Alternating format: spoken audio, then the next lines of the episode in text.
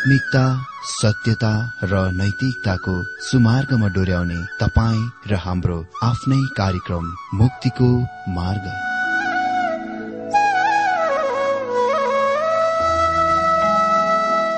आदरणीय श्रोता यस मुक्तिको मार्ग कार्यक्रममा हार्दिक स्वागत छ।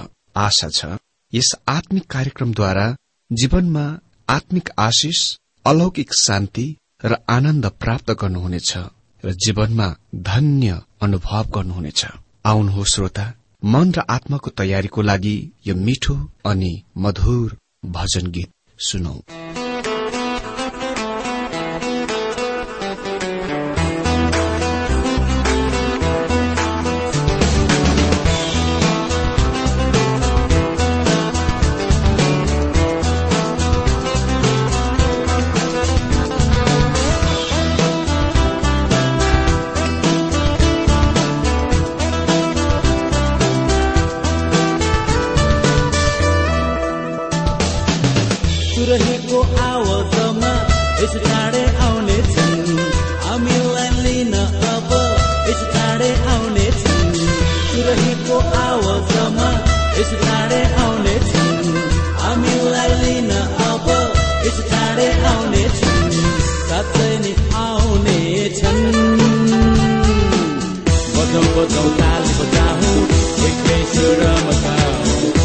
potong tali.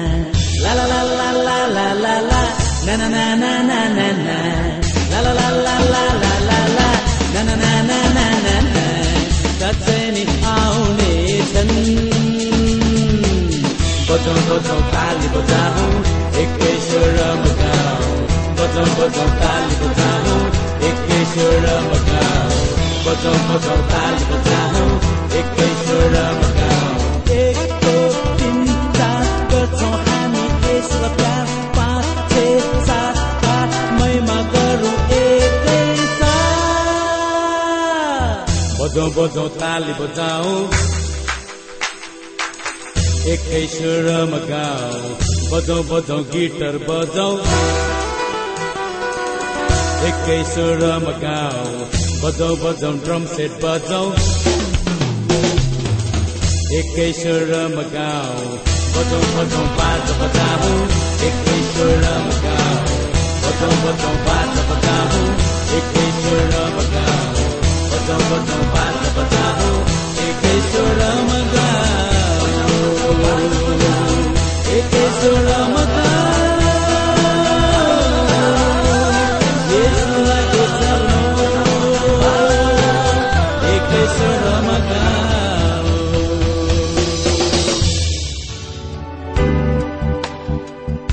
प्रिय श्रोता यो प्रसारण मार्फत यो अवगत गराउन चाहन्छौ कि प्रभुको सेवाको लागि यहाँहरूको साझेदारी नित्यन्त आवश्यकता छ।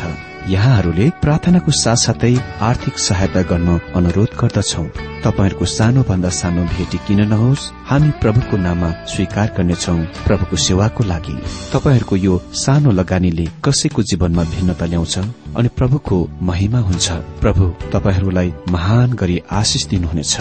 इच्छुक श्रोताहरूले तपाईँको इच्छा भेटी हाम्रो ठेगानामा पठाउन सक्नुहुन्छ जुन ठेगाना हामी कार्यक्रमको अन्तमा दिनेछौ। तपाईँ सबैलाई मेरो प्यार भरा मित्र म आशा गर्दछु तपाईँ सबै आनन्द कुशलै हुनुहुन्छ।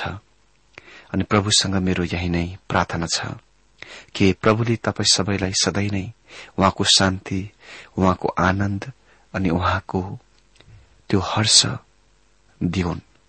तपाईँहरूको जीवनमा तपाईँहरूको परिवारमा तपाईँहरूको पेसामा उहाँको अनुग्रह आशिष बढ्दै जाओस्। यही नै मेरो कामना छ। अनि मित्र तपाईँहरूको निम्ति हामी सधैँ नै प्रार्थना गरिरहेका छौं। प्रार्थनामा याद गरिरहेका छौं। हामीले तपाईँहरूलाई भुलेका छैनौं। तपाईँहरू हाम्रो हृदयभित्र हुनुहुन्छ। अनि प्रभु निश्चय नै हाम्रो प्रार्थनाको शून्य प्रभु हुनुहुन्छ। अनि उहाँले सुन्नु पनि भएको छ। र म विश्वास गर्दछु कि आउने दिनहरूमा पनि तपाईँहरू निरन्तर रूपमा आफ्ना सुझावहरू आफ्ना प्रार्थनाका विषयहरू छन् भने पठाउनुहुनेछ। त आउनुहोस् अब हामी वचनतिर लागौं? त्योभन्दा पहिले हामी छोटो प्रार्थना गरौं। प्रभुजी तपाई साँच्चै नै अद्भुत प्रभु हुनुहुन्छ। तपाई मरेको प्रभु होइन। तपाई कान भएको बैरो आँखा भएको अन्धो हात खुट्टा भएको लंगडो हुनुहुन्न। तपाई जीवित प्रभु हुनुहुन्छ। हिजो आज सधैँभरि समान प्रभु नबदलिने प्रभु हुनुहुन्छ। मानिस बदलिन्छ संसार बदलिन्छ वातावरण बदलिन्छ। परिस्थिति बदलिन्छ तर तपाईँ बदलिनुहुन्न। तपाईँ सधैँ नै समान प्रभु हुनुहुन्छ। तपाईँको करूणा सदाको लागि छ। तपाईँको प्रेम अपार छ। अनि प्रभु तपाईँ प्रभुलाई आज हामीले पाएका छौं। पुकार गर्ने तपाईँलाई चितकार छोड्ने अनि प्रभु तपाईँले हाम्रो चितकार सुन्नुहुन्छ पुकार सुन्नुहुन्छ अनि हामीलाई उत्तर दिनुहुन्छ। आफ्नो अनुग्रहमा प्यार प्रभु म विशेष गरेर आज यी प्रिय मित्रहरूलाई तपाईँको हातमा राख्छु। मलाई थाहा छैन उहाँहरूको समस्या कष्टहरू तर तपाईँलाई थाहा छ तपाईँ उनीहरूलाई आफ्नो अनुग्रह अनुसार प्रभु जे जे समस्यामा छन् कष्टमा छन् तपाईँ त्यसबाट मुक्त गर्नुहोस्। प्रभुजी उनीहरूलाई उनीहरूको कमजोरीद्वारा होइन तर तपाईँको अनुग्रहद्वारा व्यवहार गर्नुहोस्। आजको वचन अध्ययनमा तपाईँको हातमा राख्छु। यसबाट पनि तपाई हामी सबैलाई आशिष दिनुहोस् र आफ्नो महिमा लिनुहोस्। यसो प्रभुको नाममा यो प्रार्थना माग्छु। मित्र आज हामी बाइबल अध्ययन प्रकाश एक्काइस अध्याय नौदेखि चौध पदबाट देख्न गइरहेका छौं। यहाँ हामी देख्नेछौ नयाँ यरुसलेमको वर्णन जुन दुलहीको अनन्तकालीन वासस्थान हो। यो शहरको प्रकट वा त्यसको जुन सुन्दरताको सार शुद्ध मनोहरित र अनियन्त्रित आनन्द हर्ष हो। महान अत्यु उच्च भाषाले त्यसको सद्गुणहरूको वर्णन गर्दछ र वर्णनात्मक शब्दकोश त्यसको तस्विरको पेन्टिङ गर्ने काममा चित्रित गर्ने काममा कमजोर छ। त्यसको आइरहेको महिमाको चिन्तन मनन ती मानिसहरूको निम्ति आत्मिक टोनिक वा औषधि हो जुन यहाँ पृथ्वीमा एक किसिमले तीर्थयात्रामा तीर्थयात्रीको रूपमा थकित हुँदछन् थाक्दछन्। नयाँ यरुसलेम हजार वर्षीय राज्य पछिबाट आउने शहर हो। किनकि यो शहर हजार वर्षीय राज्यको अन्त र अनन्तताको अनन्तकालको आरम्भमा मात्र दृश्यमा आउनेछ। त्योभन्दा पहिले यो दृश्यमा आउने छैन। यो शहर निश्चय नै ख्रिष्टको मनमा थियो जब उहाँले यो भन्नुभयो योहना चौधको दुई पदमा म तिमीहरूको लागि ठाउँ तयार पार्न जानेछु तर यहाँ पर्दा चाहिँ पृथ्वीको नाटक सन्तोषजनक निष्कर्षमा नपुगुन्जेलसम्म स्वर्गीय शहरको दृश्यको प्रकट गर्नलाई उदाङ्गो गर्नलाई उग्रिँदैन अनि पृथ्वीको अफसोस शोक अनन्त अन्तहीन युग आरम्भ नभइन्जेलसम्म शान्त हुँदैन मौन हुँदैन। नयाँ यरुसलेम अनन्तताको लागि हुनेछ भने संसारिक लौकिक यरुसलेम हजार वर्षीय राज्यको लागि हो। लौकिक यरुसलेम बितेर जानेछ तर यसले अनन्ततामा दोस्रो स्थान लिनेछ। धर्मीहरू यरुसलेममा शासन गर्नेछ। त्यो नयाँ यरुसलेममा रहनेछ। असिद्धता र विद्रोह हजार वर्षीय राज्य अवधिमा लौकिक यरुसलेममा हुनेछ वा अस्तित्वमा हुनेछ। सिद्धता र पापको अनुपस्थित ले स्वर्गीय शहरको पहिचान गर्दछ जस्तो कि राजाको रानी उसको सरकार र शासनको स्थानभन्दा धेरै महत्वको हुन्छ। यसरी नयाँ यरुसलेमले पृथ्वीको शहरलाई उछिन्नेछ सुन्दरतामा र हरेक कुरामा। यसले लौकिक संसारिक शहरमा प्रतिविम्ब फ्याँक्ने छैन न यसले त्यसको आन्तरिक पीड़ा दर्द नै गराउनेछ।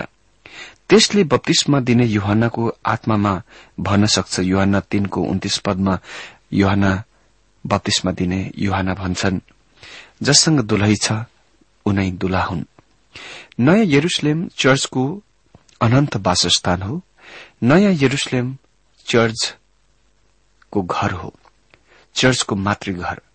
यो नै शहरतिर चर्च यात्रा गरिरहेको छ बढ़िरहेको छ। त्यो नै दिशातिर हाम्रो विश्वासी जीवनको तीर्थयात्रा चलिरहेको छ।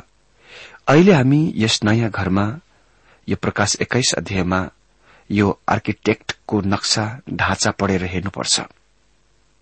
प्रकाश एक्काइस अध्याय नौ पदमा हामी पढ्छौं अनि जुन सातजना स्वर्गदूतसँग आखिरी सात महामारीले भरिएका सात कचौराहरू थिए तीमध्ये एकजना म कहाँ आए र यसो भन्दै मसँग कुरा गरे यहाँ आऊ। म तिमीलाई दुलही अर्थात थुमाकी पत्नी देखाउनेछु।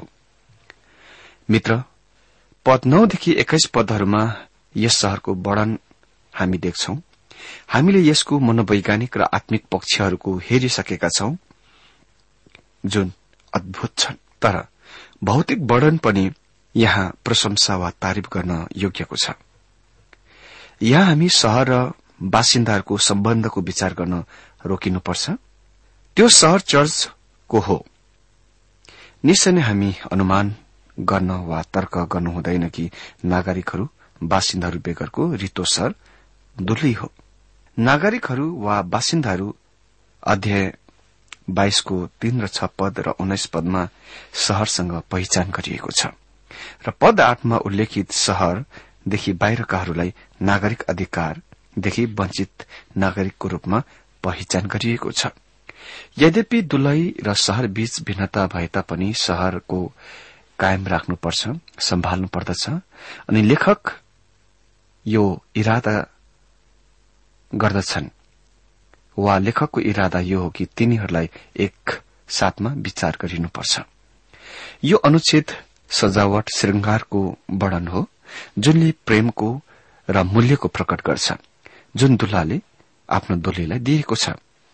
दश पदमा भनिएको छ अनि उसले मलाई आत्मामा एउटा ठूलो र अग्लो पहाड़मा लगे र मलाई परमेश्वर तर्फबाट स्वर्गीयदेखि तल झरिरहेको त्यो महान सर्व पवित्र यरुसलेममा देखाए। निश्चय नै यो शहरसँग पृथ्वीको शहरहरू बीचमा प्रतिरूप छैन जुन लौकिक जगमा फाउन्डेशनमा निर्मित भएको छ। र त्यस आधार वा जगमाथि बनिएका छन्। यो शहर स्वर्गीयबाट आउँदछ। यो स्वर्गीयमा उत्पन्न हुँदछ आरम्भ हुँदछ अनि प्रभु येशु निर्माणकर्ता हुनुहुन्छ बनाउने होला हुनुहुन्छ। यद्यपि यो शहर स्वर्गीयबाट तल झरे तापनि त्यहाँ कुनै सुझाव वा संकेत छैन कि त्यो पृथ्वी तल आउँदछ। लौकिक संसारिक शहर पनि कहिले माथि स्वर्गीयमा जाँदैन र स्वर्गीय शहर कहिले पनि पृथ्वीमा झर्दैन। यो शहर पृथ्वीमा कति तलसम्म झर्दछ यो अनुमानको विषय हो। यसले नयाँ यरुसलेमको अर्थ खुलाउनमा व्याख्या गराइमा अति नै उग्र विचारहरू दृष्टिकोणहरूतिर डोर्याएको छ। एकदम शुरूमै आरम्भमै इभिनिजम एक प्रथम झुट शिक्षा हेरेसीले नयाँ यरुसलेमको सम्बन्धमा यस पूरा अनुच्छेदलाई संसारिक लौकिक यरुसलेमको रूपमा व्याख्या गरेका थिए विचार गरेका थिए वा अर्थ दिएका थिए। अर्को एक प्राचीन झुट्टा शिक्षा हेरेसी यस अध्यायलाई आत्मिककरण गरेर स्वर्गीयको रूपमा संकेत गरेका थिए। अनि धेरै आधुनिक झुट्टा शिक्षाहरूले नयाँ यरुसलेमलाई आफै कहाँ वा आफ्नै निम्ति लागू गरेका छन् लिएका छन् र तिनीहरूको चुनावको भौगोलिक स्थानमा यसलाई पृथ्वीमा स्थित गर्दछन्। लिबरल स्वतन्त्रवादी थियोलोजियनहरू धर्म विद्वानहरू र ए मिलेनिस्टहरूले वा यस सिद्धान्तमा विचार गर्नेहरूले स्वर्गीयमा यस शहरलाई छोडेका छन्। यद्यपि शास्त्रले यो स्पष्ट पार्दछ कि यो स्वर्गीयबाट तल आउँदछ झर्दछ। मतलब तिनीहरूले यो शहरलाई स्वर्गीय शहरको रूपमा मान्दैनन् वा स्वर्गीयमा भएको शहर मान्दैनन्। जबकि शास्त्रले एकदम स्पष्ट पार्दछ यो स्वर्गीयबाट तल आउँदछ। अनि दोस्रो तथ्यहरू त्यहाँ यस अनुच्छेदबाट स्पष्ट छ। मतलब दुई तथ्यहरू। पहिलो तथ्य हो यो स्वर्गीयबाट तल झर्दछ र दोस्रो यो भनिएको छैन कि यो पृथ्वीमा आउँदछ। अह। यो शास्त्रको अनुच्छेदले यस शहरलाई मध्य आकाशमा वा कहीँ वायुमण्डलमा झुण्डिरहेको लड्किरहेको अवस्थामा छोड्दछ। यो दुविधाको कुरा हो अन्यलताको कुरा हो कि धेरैले यसलाई त्यसै छोड्न वा नछुन नै मन पराउँछन् तर किन त्यसलाई मध्य आकाशमै नछोड्ने?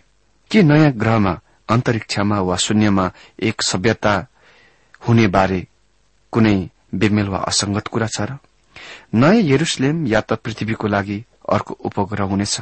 वा धेरै सम्भावित कुरा र सत्य कुरा म के देख्छु भने पृथ्वी नयाँ यरुसलेमको लागि साथै बाँकी अन्य नयाँ सृष्टिहरूको लागि उपग्रह बन्नेछ। सम्पूर्ण क्रियाकलापहरू र महिमा यो शहरको वरिपरि परिक्रमा गर्दछ। परमेश्वर त्यहाँ हुनुहुनेछ। यो उहाँको मुख्य अड्डा मुख्य कार्यालय हुनेछ र उहाँको विश्व ब्रह्माण्ड धर्मतन्त्र ईश्वरतन्त्र राज्य वा परमेश्वरमा केन्द्रित हुनेछ। त्यसकारण नयाँ यरुसलेम अनन्तताको लागि त्यस्तो सर्वोत्तम स्थानको लागि योग्य छ। अनि एघार पदमा भनिएको छ जससँग परमेश्वरको महिमा थियो र त्यसको चमक चाहिँ अति मूल्यवान रत्नको जस्तै अर्थात बिलौर झै संग्लो भएको स्फटिक जस्तो थियो। अमित्र पाउली विश्वासीहरूलाई निर्देश दिन्छन् रोमी पाँचको दुई पदमा परमेश्वरको महिमाको आशामा हर्ष आनन्द गर्नुपर्छ। यो आशाको पवित्र शहरमा साकार गरिनेछ। यस आशालाई पवित्र शहरमा पूर्ण गरिनेछ। पापमा भएका मानिसहरूले कहिले पनि परमेश्वरको महिमाका देखेका छैनन्। उजाड स्थानमा इसरायलको अनुभवले तिनीहरूलाई सिकायो कि हरेक समय जब शिविरमा क्याम्पमा विद्रोह हुन्थ्यो परमेश्वरको महिमा दण्डमा प्रकट भएथ्यो। परमेश्वरको महिमाको प्रकटले पापीहरूलाई भएको प्रहार गर्दछ भयभीत गराउँदछ। तर उहाँको महिमा हेर्न योग्य हुनु यो कस्तो महान प्रत्याशा हो। जब ख्रिस्टको धार्मिकतामा पहिराइएर उभिन्दछौ उहाँको महिमा हेर्न। दुई अद्भुत तथ्यहरूले यो शहरलाई परमेश्वरको महिमाको पूर्णताको प्रकट बनाउँदछ। पहिलो परमेश्वरको उपस्थितले विश्व ब्रह्माण्डको लागि महिमाको स्रोत बनाउँदछ। हरेक आशिष त्यस शहरबाट चारैतिर फिजिन्दछ फैलिन्दछ। अनि दोस्रो पवित्र जनहरू सन्तहरूको उपस्थितिले परमेश्वरको महिमाको प्रकटको रोक्दैन निषेध गर्दैन। पाओले मानिसको उपस्थितबाट उहाँको महिमा हटाउन परमेश्वरलाई विवश गरायो। तर यस शहरमा सबै कुरा बितेको त्यस शहरमा परमेश्वरसँग सँगै रहने उद्धार पाएका मानिसहरूले परमेश्वरको महिमा पाउँदछन्। अनि त्यो नै महान भव्य लक्ष्य हो। जुन परमेश्वरको अनुरूप हो। यो शहरले चर्चमा परमेश्वरको उच्च उद्देश्यको प्रकट गर्दछ जुन धेरैलाई महिमामा ल्याउनु हो हिब्रू दुईको दश पद अनुसार। यहाँ उल्लेखित शब्द चमकको ग्रीक शब्द हो फुस्टर जुनको अर्थ हुन्छ ज्योतिको स्रोत। यो सहर ज्योति दिनेवाला वा ज्योति प्रदान गर्नेवाला हुँदछ। यसले ज्योति वा प्रकाशको प्रतिविम्ब गर्दैन जस्तो कि जुन वा चन्द्रमाले गर्छ।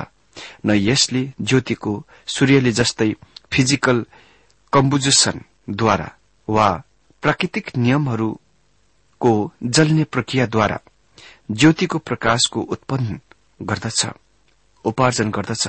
अह तर यसले ज्योतिको प्रकाशको उत्पन्न गर्दछ। अनि यो ज्योतिको स्रोत हो। परमेश्वरको र ख्रिष्टको उपस्थितिले यसको स्पष्टीकरण दिन्छ। जस्तो कि उहाँले घोषणा गर्नुभयो युहन्ना नौ अध्यय पाँच पदमा म संसारको ज्योति हौ परमेश्वर ज्योति हुनुहुन्छ मित्र। सम्पूर्ण शहर बहुमूल्य पत्थर जस्तै छ। यस बहुमूल्य पत्थरलाई मूल्यवान रत्न र निर्मल स्फटिकसँग तुलना गरिएको छ। यो बहुमूल्य पत्थर पारदर्शक अनि चम्कने चमकदार छ जुन सम्भवत हिरा हुन सक्छ। मानिसहरूलाई थाहा भएको कुनै बहुमूल्य पत्थरहरूभन्दा हिरा नै यहाँ वर्णनमा उचित र धेरै फिट हुने वस्तु देखिन्दछ।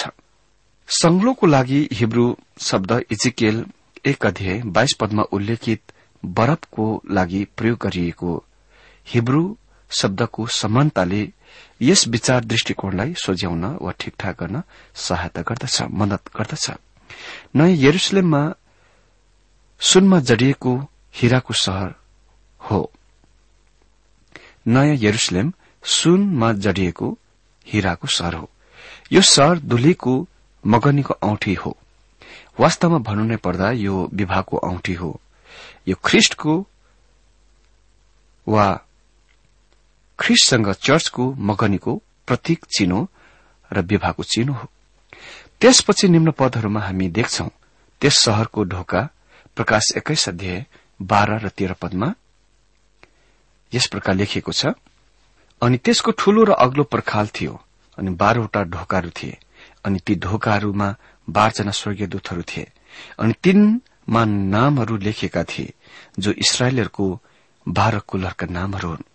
पूर्वपट्टि तीन ढोकाहरू उत्तरपट्टि तीन ढोकाहरू दक्षिणपट्टि तीन ढोकाहरू र पश्चिमपट्टि तीन ढोकाहरू। अमित्र यस शहरमा बाह्र ढोकाहरू छन्। प्रत्येक दिशामा तीन तीनवटा ढोका। प्रत्येक ढोकामा इसरायलको एक कुलको नाम लेखिएको छ। यो अति नै धेरै ध्यानलाई खिच्ने कुरो हो र तुरन्तै यो क्रम व्यवस्थाको सूचित गर्दछ जुनमा इसरायलका सन्तानहरू र उजाड स्थानको यात्राको बाटो बिराएर भौतराईमा पवित्र वासस्थान टावरनाकलको वरिपरि शिविर राख्दथे तम्बु टाङ्दथे वा पाल टाङ्दथे अनि लेबीको कुल पुजारी कुल थियो र पवित्र वासस्थानमा सेवा गर्दथे। नयाँ यरुसलेम पनि एक अर्थमा पवित्र वासस्थान वा टावरनाकल वा मन्दिर हो किनकि परमेश्वर त्यहाँ मानिससँग रहनुहुन्छ। दोलीले पुजारी पदको नियुक्त गर्दछ स्थापन गर्दछ जसले उहाँलाई निरन्तर सेवा गर्दछ। तिनीहरू त्यस शहरमा पवित्र वासस्थान टाबरनाकलको लेबीले सेवा गरे झै सेवा गर्दछन्। अनन्ततामा हरेक कुराले यो शहरतिर नजर लगाउनेछ किनकि परमेश्वर त्यहाँ हुनुहुन्छ। पृथ्वीमा इसरायलका सन्तानहरूले त्यस शहरसँगको उही एउटै सम्बन्धको आनन्द भोग गर्नेछन् जुन उजाड स्थानको पवित्र वासस्थानमा टाबरनाकलमा र पछिबाट यरुसलेमको शहरको मन्दिरसँगको त्यो सम्बन्धको आनन्द भोग गरेथे। यो शहर इसरायलको निम्ति पवित्र स्थान टाबरनाकल हुनेछ। इसरायलका सन्तानहरू ती भीड़ जमातहरूको बीचमा हुनेछन् जो त्यस शहरमा आराधना गर्न अनन्त तथा अनन्तकालमा आउँदछन्। तिनीहरू पृथ्वीबाट आफ्नो आराधना उपासना र महिमा चढ़ाउन अर्पण गर्न आउनेछन्। तिनीहरू त्यस शहरमा निरन्तर कति पनि रहिरहने छैनन् जस्तो कि तिनीहरू पुरानो नियमको पवित्र वासस्थान टाबरनाकलमा रहेथे। वास्तवमा अनन्ततामा अनन्तकालमा दुलीले परमेश्वरसँग एकदमै घनिष्ठ स्थानको ओकर्दछ र माथिल्लो कोठामा युहान जस्तै दुली उहाँको छातीमा टाँसिनेछ। उहाँको छातीमा ढल्किनेछ। श्रेष्ठ गीत आठको पाँच पदमा हामी पढ्छौं। आफ्नो प्रेमीसित अडिस लाग्दै उजाड स्थानतिर आउने को हो? तिनी दुली हुन् र तिनी उजाड स्थानबाट आएकी छिन् जुन वर्तमान संसार हो।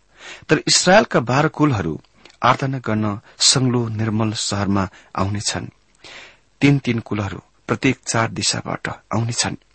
आराधना उपासनाको चढ़ाइसकेपछि तिनीहरू पृथ्वीमा वापस फर्किनेछ।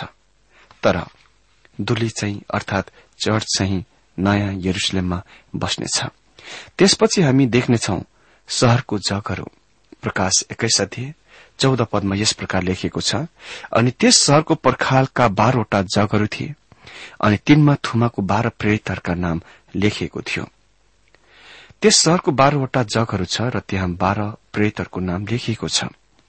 आज चर्च मण्डली एफिसी दुईको बीस अनुसार प्रेरितहरू र भविष्य वक्ताहरूको जगमाथि बनाइएको वा बनिएको छ। जसको कुना ढुङ्गा चाहिँ येशु ख्रिष्ट आफै हुनुहुन्छ। जब ख्रिष्ट स्वर्गीयमा वापस फर्किजानुभयो आफ्नो उद्धारको योजना र कार्यक्रमको पूरा गरिसक्नु भएपछि उहाँले ती चाबीहरू प्रेतहरूका रक्षा रेखदेखमा दिनुभयो। अनि मानवीय स्तरमा लेभलमा भन्नुपर्दा चर्च मण्डली यी बाह्र मानिसहरूका हातहरूमा थियो। र प्रेरितहरूका कामको पुस्तकले यो वर्ग वा क्रमको दिन्छ प्रेरित एक अध्यय एकदेखि नौ पदमा हामी पढ्छौं हे थियोफिलोस येशुले जे गर्नु र सिकाउनु थाल्नुभयो ती सबै कुराहरूको विषयमा पहिलो बयान मैले गरेको छु। उहाँले चुन्नु भएको ती प्रेरितहरूलाई पवित्र आत्माद्वारा आज्ञा दिनु भएपछि माथि उहाँ उठाइनु भएको दिनसम्मका कुराहरू। म विश्वास गर्दिन कि मतियास प्रेरित हुन् जसले यहुदाको स्थान लिएथे। म विश्वास गर्दिन। म व्यक्तिगत रूपमा विश्वास गर्दछु कि यहुदाको स्थान लिने खास प्रेरित चाहिँ पावल थिए। उनी योग्य थिए। पवित्र आत्मा उत्रनुभन्दा पहिले सिमन पत्रुसले मतियासलाई चुन्न सभा राखे। सभा बोलाए अनि मलाई लाग्दैन कि उनी परमेश्वरको इच्छामा थिए जब उसले त्यसो गरे। तब कहिले पनि फेरि मतियासको उल्लेख भएको पाउन सक्नुहुन्न। तर तपाईँ प्रेरित पावलको बार बार पटक पटक उल्लेख भएको देख्न सक्नुहुन्छ।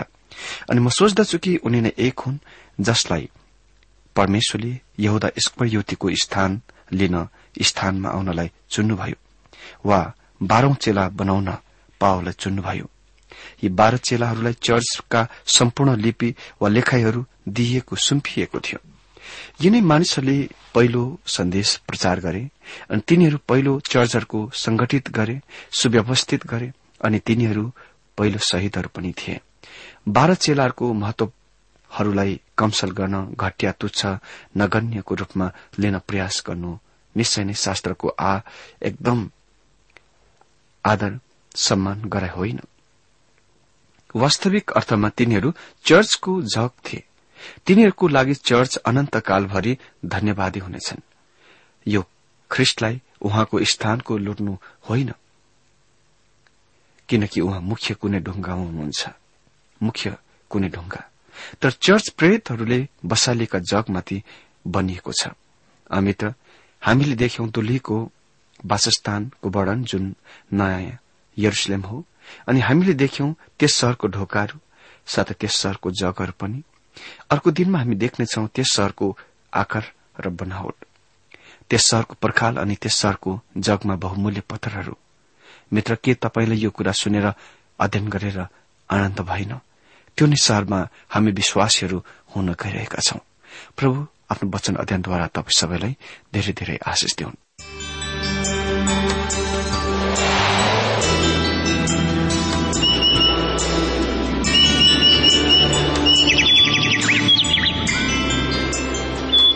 प्रिय श्रोता अहिले भर्खरै तपाईँले टीडब्ल्यूआर नेपालद्वारा संचालित आत्मिक कार्यक्रम मुक्तिको मार्ग सुनिरहनु भएको थियो। श्रोता आजको यो कार्यक्रम सुनेर तपाईँलाई कस्तो लाग्यो? यदि यो कार्यक्रम सुनेर मनमा कुनै खुल्दुली वा कुनै प्रतिक्रिया अर्थात सुझावहरू छन् भने हामीलाई पत्रद्वारा लेख्न सक्नुहुनेछ।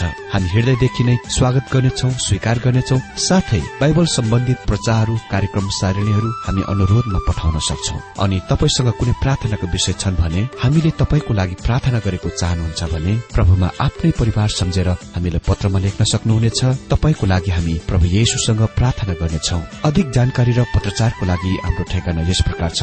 कार्यक्रम मुक्तिको मार्ग जीपीओ नम्बर उनानब्बे पचहत्तर इपिसी पच्चिस एकसठी काठमाडौँ। ठेगाना एकपल्ट सुन्नुहोला। कार्यक्रम मुक्तिको मार्ग जीपीओ नम्बर उनानब्बे पचहत्तर इपिसी पच्चिस एकसठी काठमाडौँ। हाम्रो इमेल एड्रेस हो TWR Nepal at Yahoo dot com. साथै यस नम्बरमा एसएमएस गर्न सक्नुहुनेछ। अन्ठानब्बे चार सत्तरी पैंतिस छ सय उनासी नौ आठ चार सात जिरो तीन पाँच छ सात नौ। हुन्छ श्रोता आजलाई हामी विदा चाहन्छौ। अर्को कार्यक्रममा हामी पुनः भेट्नेछौ तबसम्मलाई नमस्कार।